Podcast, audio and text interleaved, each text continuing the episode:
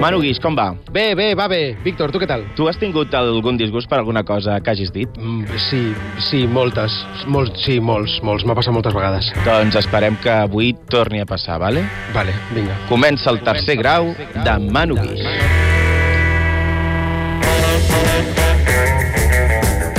Manu, tu has enguapat, no?, amb els anys. Abans eres més lleig.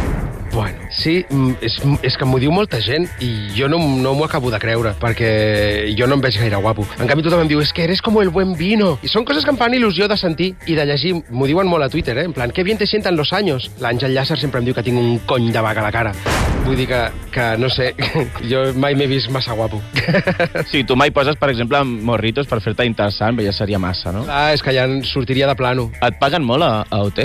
Bueno, no, no, no em queixo. El que passa que, mm, clar, sempre esperes més. I realment, després d'aquesta última edició on, on m'he deixat la pell, la vida i, i, i la son, doncs mm, una miqueta més per l'any que ve demanaré. Per tirar-te un pet allà a l'acadèmia, per exemple, apagues el micro... Clar, és que és complicat, eh, requereix una tècnica, eh? I, i la veritat és que són, són anys d'aprenentatge, però el fet d'estar sempre amb un micro a sobre, has d'anar al tanto, tant amb els teus sorolls fisiològics que se't poden escapar, com, com, com has d'anar al tanto amb dir coses que potser no hauries de dir. Jo m'he ficat en lius aquesta edició, per exemple, per dir coses que no devia, com per exemple que, pues, que, els, que els canaris tenien tendència important a l'hortarisme, saps? Això ho vaig dir i vaig tenir un pollo amb canàries que t'hi cagues. Tu recordes allò de que feien alguns concursants d'OT, tipo eh, Amárate, eh, Bérete, Jaradín... Sí, me'n recordo per fer perfectamente, me acuerdo. I si els hi foties la bronca, què va passar? Que no et vas explicar prou bé o que van suar directament de la teva puta cara? Jo crec que van suar directament de la meva puta cara. El que passa que jo tinc aquesta mania persecutòria contra aquesta gent que té aquesta pràctica a l'hora de cantar, no? Que col·loquen una vocal on no,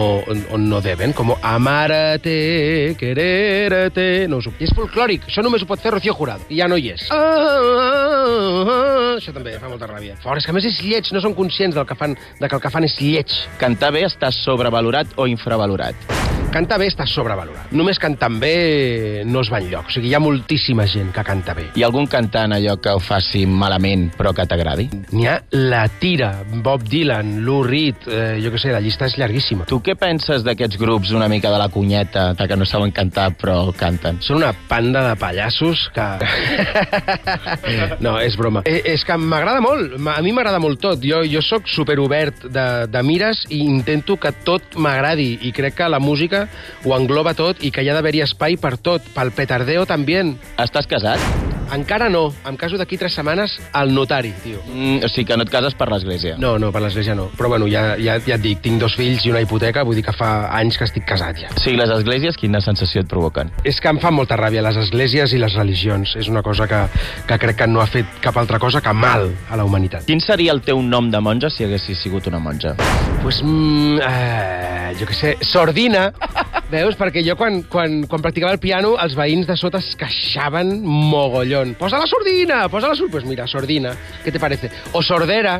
Sordera? Vols... Sordera també perquè el meu avi es va quedar sordo i el meu pare anava en camí. Quin és l'últim disgust que has tingut amb un dels teus seguidors? Doncs pues mira, clar, he tingut un creixement brutal a nivell de xarxes. O sigui, jo vaig començar a OT tenint 18.000 seguidors a Twitter i ara en tinc 100 i pico mil, i 4.000 a Instagram i ara en tinc 130 i pico mil, i clar, això ho he notat molt. Doncs pues m'ha sabut molt greu veure com hi ha molta gent que no és capaç d'entendre que jo he tret un disc en català i que m'agrada fer posts en català i veure com hi ha molta gent que s'ho pren com un atac i no és cap atac. Evidentment hi ha molta gent que, que no, afortunadament. La majoria de gent entén el que és tan, ser bilingüe i poder expressar-te en català, però hi ha un petit reducte de, de gent absolutament ignorant i curta que és incapaç d'entendre doncs, que a Catalunya hi ha un idioma que es diu català i que ens relacionem amb català. T'han escrit allò de què ponen tu DNI en algun comentari? Hombre, ¿qué ponen tu DNI? Banderita, banderita, banderita. Manu Geeks, què va poner?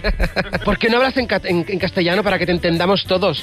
¿No? ¿Y, y por qué cantas en, en catalán cuando no sé qué? Yo qué sé, la gent es queixa de que els Maroon 5 canten en anglès. Escolta, tu has gravat el teu disc aquí, en aquest estudi, a Medusa Studio, però l'has masteritzat a Nova York. Això és per alguna cosa o és perquè sempre queda bé dir-ho a les entrevistes? És perquè sempre queda bé dir-ho a les entrevistes i perquè em venia molt de gust anar-me'n una setmana de farra a Nova York amb el meu coproductor Roger Rodés. Però és que va ser tal qual. O sigui, ens en vam anar una setmana de dilluns a divendres Estàs dient seriosament? Sí, clar, a mi em feia molta il·lusió anar-me'n de festa amb el Roger, doncs una setmana a Nova York i una tarda vam passar per l'estudi a masteritzar Sterling Sound, que és la meca del, del mastering a nivell mundial. El que passa que, sí, és aquesta cosa, no? Sempre llegeixo discos de grabado en Amsterdam, Berlín, París, masterizado en Nova York i jo també vull fer-ho això algun dia i ho he fet ara. ¿Te imaginas grabado en Nueva York, pero mezclado eh, en Mocada Bifurcación?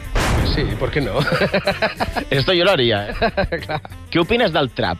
I saps que jo vaig saber el que era el trap fa molt poc? El trap és això de lo malo, no? És, és, és una mena de reggaeton. Que eh, jo encara, en, encara no sé entendre la diferència entre el reggaeton i el trap. Digues un tio que t'atraigui, que diguis, està bueno. Hòstia, n'hi ha molts. Hi ha molts tios guapos que m'atrauen molt. Jo que sé, Marc Clotet, per exemple. Que guapo que és. Buena perxa. Veà que sí. Mario Casas també m'atrau. Escolta, Manu, en aquest OT hi ha molta gent que s'ha sorprès perquè hi havia una concursant, no?, la Maya, que de sobte coneixia el Kanka, Judith Nederman, eh, Chico i Chica... Una persona amb cultura musical en un talent show és com una forquilla en un plat de sopa? La veritat és que una persona amb cultura costa de veure en qualsevol reality, no? I, i clar, i en un talent, doncs, amb cultura musical, sí, la veritat és que ha estat una sorpresa, però una sorpresa superagradable, que ha molat mogollon veure la, a, a la Maia parlant de Judith Nederman o el Kanka, o veure l'Alfred parlant de Charango. Jo crec que aquest OT en, ens, ens ha sorprès molt a tots, doncs per això, perquè per primera vegada s'ha parlat més de música que mai, i això s'ha vist reflectit, i també a nivell de direcció del programa, doncs el repertori que han escollit ha sigut més ampli que mai, de cop i volta s'han cantat cançons indis, s'han cantat Vetustes Morles, s'han cantat eh, Florence and the Machine, s'ha cantat... i jo crec que això a la gent l'ha pillat molt fora de joc, i molta gent de- detractora que rajava molt d'OT doncs, per, per una qüestió d'inèrcia, de cop i volta eh, ha hagut de tragar-se les paraules i, i reconèixer, si més no, una intenció de, de, de, de voler demostrar que la música no és només la radiofórmula comercial de tota la vida. Has fet alguna cosa, i per acabar, en aquest estudi que no es pugui explicar? Jo, de fet, el, el, em vaig comprar aquest estudi per poder fer fiestons. Jo volia un, un estudi que tingués un chill-out gros, i aquest és enorme, i tinc un billar. I repeteixo, i tenir un billar. Saps què vull dir? Manu Guix, moltes gràcies. Gràcies a vosaltres. Fins una altra. Vinga.